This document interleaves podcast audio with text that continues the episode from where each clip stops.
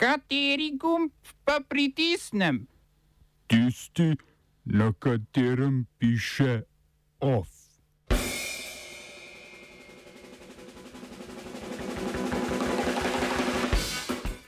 Združeno kraljestvo in Avstralija sklenila okvirni trgovinski sporazum. Združene države Amerike in Evropska unija umirili spor glede Boeinga in Airbusa. Protesti proti zakonodaji o nasilju nad otroki na Mačarskem.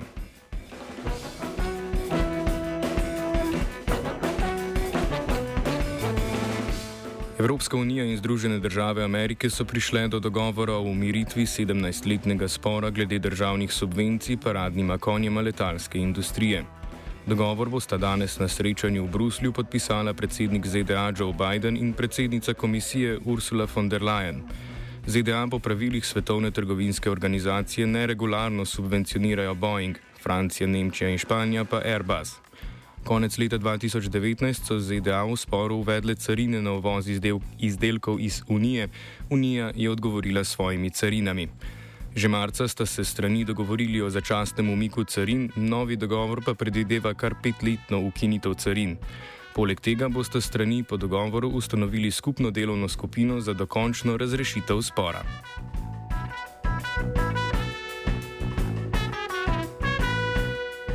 Premijeja Združenega kraljestva in Avstralije Boris Johnson in Scott Morrison sta sklenila okvirni trgovinski sporazum.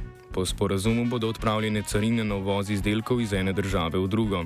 A sta se premijeja dogovorila za 15-letno prehodno obdobje, v katerem bo brezcarinski uvoz predvsem kmetijskih proizvodov omejen s kvotami. Prav tako bodo Britanci lažje potovali in delali v Avstraliji. Dogovor naj bi v Združenem kraljestvu omogočil tudi vstop v transpacifiško partnerstvo, prostotržno območje 11 držav. O vseh podrobnostih sporazuma naj bi se državi Commonwealtha dogovorili do konca leta.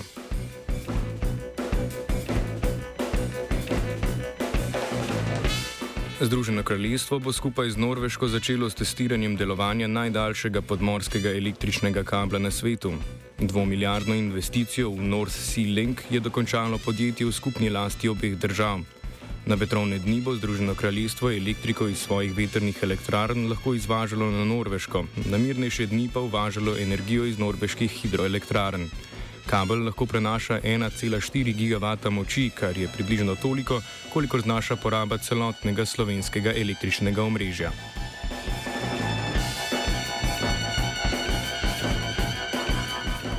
Odstopila je prva ministrica Severne Irske Arlene Foster. To je sama sicer napovedala že aprila, ko je odstopila z mesta vodje unionistične stranke DUP. Na vrhu največje severnoirske stranke jo je zamenjal kmetijski minister Edwin Putz, ki pa ne želi sam zasesti mesta predsednika vlade, ampak je na to mesto predlagal strankarskega kolega Paula Givana.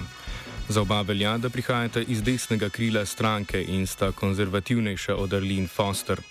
Pri izglasovanju Givana pa se močno zatika, saj mora njegovo imenovanje podpreti tudi republikansko-nacionalistična stranka Sinn Fein. Po dogovoru o delitvi moči, ki izhaja še iz velikonočnega dogovora o končanju konflikta v Ulstru, mora namreč Sinn Fein v vlado imenovati podpredsednika. Če tega ne stori v enem tednu, bo prišlo do razpustitve parlamenta in predčasnih volitev. Sinn Fein je svojo podporo, Sinn Fein svojo podporo pogojuje s prejemom zakona o irskem jeziku.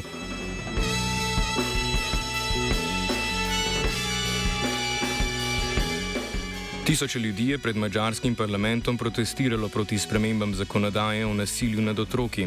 Parlament, v katerem ima vladajoči Fides dvotretinsko večino, danes odloča o spremembah zakonov, ki naj bi po trditvah vlade mladoletnike bolje ščitile pred pedofilijo. Tudi organizacije za zaščito pravic vseh spolnih identitet opozarjajo, da spremembe zakonodaje diskriminirajo neheteroseksualne skupnosti. Mladoletne osebe po spremembah namreč ne bi smele biti vključene v kakršnokoli izobraževanje o homoseksualnosti in spremembah spolov. Spolno vzgojo na šolah bi lahko opravljale nevladne organizacije na posebnem seznamu, kar po mnenju nevladnikov krši pravico do svobodnega govora. Več v offsajdu ob petih. Oba, če, bom odgovoril na angliški. Uh, uh, Slovenija will try to help. Uh, we can. Slovenija will. Uh, and we will. Do our utmost. To say that the situation is.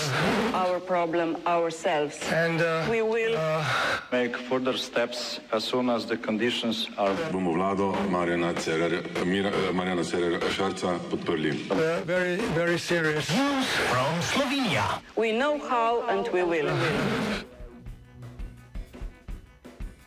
Vladna služba za razvoj in evropsko ko kohezijsko politiko je odobrila evropska sredstva za energetsko sanacijo Univerzitetnega kliničnega centra Ljubljana. Vseh 50 milijonov evrov za obnovo bo Ministrstvo za zdravje porabilo iz Evropskega sklada za regionalni razvoj. 50 uslužbencev Ministrstva za zdravje pa se bo selilo v nove prostore na industrijski cesti v bližini BTC-ja. Ministrstvo bo tako delovalo na petih lokacijah. Prostore bo ministrstvo za več kot 9000 evrov na mesec najemalo od podjetja Habit. To podjetje pa obvladuje podjetje Compass Shop, ki je v lasti Aleksandra Jereba. Na razpis ministrstva za najem prostorov so se prijavile tri podjetja, od katerih imata dve istega lasnika. Poleg Compass Shopa in Habita je za oddajo prostorov kandidiralo še podjetje Iskra DD. OF je pripravil Martin.